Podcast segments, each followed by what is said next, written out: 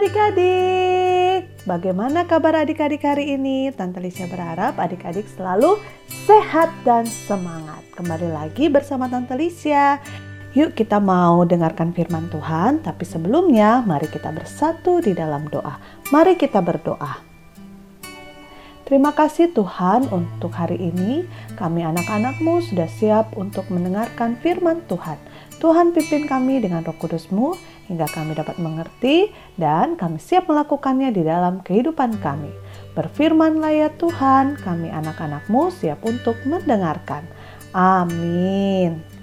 Nah adik-adik, pembacaan firman Tuhan hari ini terambil dari Lukas 24 ayat 13 sampai ayat 35. Ayo dibuka cepat-cepat Alkitabnya. Lukas 24 ayat 13 sampai ayat 35. Wah, kisah ini tuh bagus banget. Pasti sering adik-adik dengarkan setelah pasca ya. Ya, judulnya yang diberikan judul oleh LAI, Yesus menampakkan diri di jalan ke Emmaus. Yuk kita baca.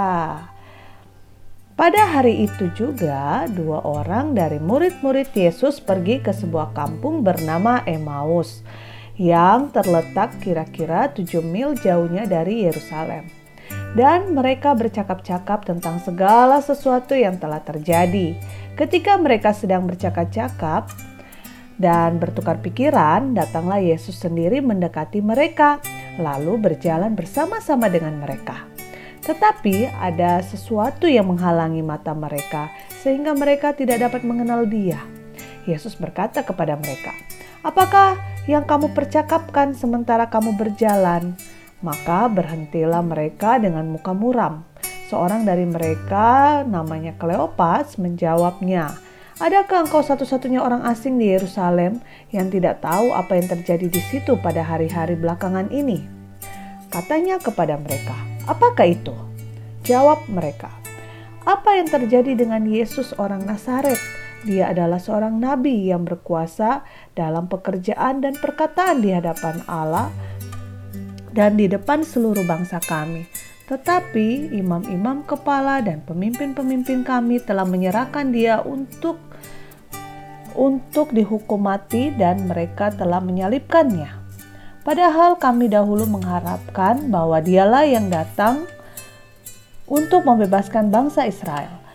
Tetapi sementara itu telah lewat tiga hari sejak semuanya itu terjadi tetapi beberapa perempuan dari kalangan kami telah mengejutkan kami. Pagi-pagi buta mereka telah pergi ke kubur dan tidak menemukan mayatnya. Lalu mereka datang dengan berita bahwa telah kelihatan kepada mereka malaikat-malaikat yang mengatakan bahwa ia hidup. Dan beberapa teman kami telah pergi ke kubur itu dan mendapati bahwa memang benar yang dikatakan perempuan-perempuan itu, tetapi dia tidak melihat tetapi dia tidak mereka lihat. Lalu ia berkata kepada mereka, Hai kamu orang bodoh, betapa lambannya hatimu sehingga kamu tidak percaya segala sesuatu yang telah dikatakan para nabi. Bukankah Mesias harus menderita semuanya itu untuk masuk ke dalam kemuliaannya? Lalu ia menjelaskan kepada mereka apa yang tertulis tentang dia dalam seluruh kitab suci, mulai dari kitab-kitab Musa dan segala kitab nabi-nabi.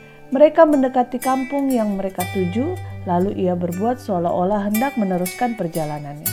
Tetapi mereka sangat mendesaknya katanya, tinggallah bersama-sama dengan kami, sebab hari telah menjelang malam dan matahari hampir terbenam. Lalu masuklah ia untuk tinggal bersama-sama dengan mereka. Waktu ia duduk makan dengan mereka, ia mengambil roti, mengucap berkat, lalu memecah-mecahkannya dan memberikannya kepada mereka. Ketika itu terbukalah mata mereka dan mereka pun mengenal dia, tetapi ia lenyap dari tengah-tengah mereka.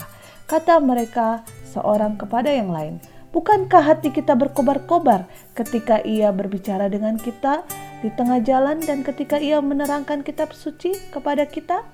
Lalu bangunlah mereka dan terus kembali ke Yerusalem. Di situ mereka mendapati kesebelas murid itu. Mereka sedang berkumpul bersama-sama dengan teman-teman mereka. Kata mereka itu, sesungguhnya Tuhan telah bangkit dan telah menampakkan diri kepada Simon. Lalu kedua orang itu pun menceritakan apa yang telah apa yang terjadi di tengah jalan dan bagaimana mereka mengenal dia pada waktu ia memecah-mecahkan roti. Demikianlah pembacaan firman Tuhan.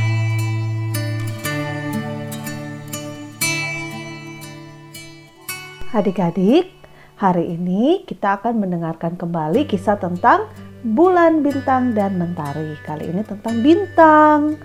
Suatu hari ketika Bintang sedang berada di kelas, saat itu sedang pelajaran bahasa Indonesia, karena juga hari itu bertepatan dengan Hari Kebangkitan Nasional, ibu guru memberikan pertanyaan kepada Bintang, yaitu uh, pertanyaan tentang uh, kebangkitan.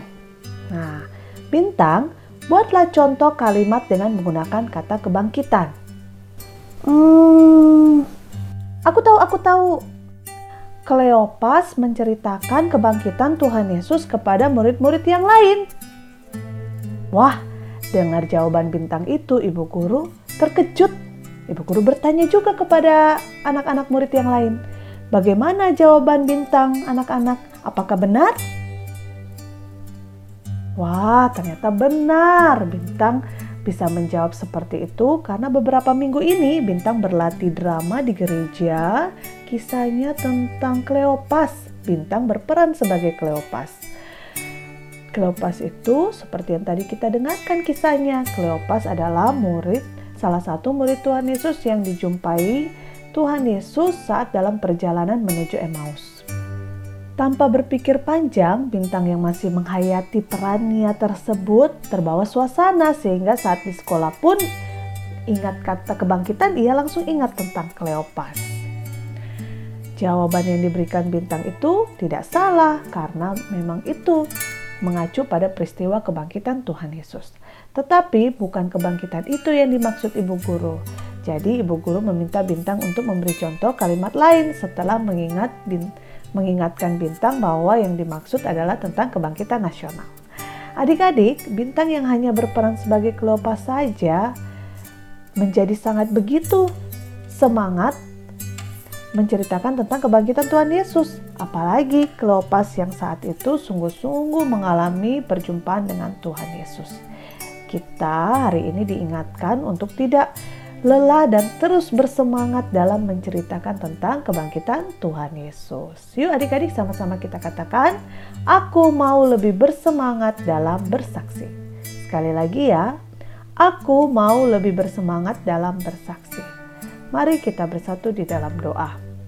Bapa di surga, terima kasih karena Tuhan Yesus telah bangkit dan menjumpai murid-murid sehingga mereka yakin dan lebih bersemangat dalam memberitakan tentang kebangkitan Tuhan Yesus. Tolonglah kami ya Tuhan, supaya kami pun punya semangat seperti para murid.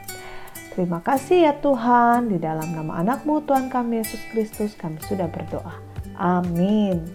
Nah adik-adik, sekian renungan hari ini. Tetap semangat ya. Sampai berjumpa besok. Dadah.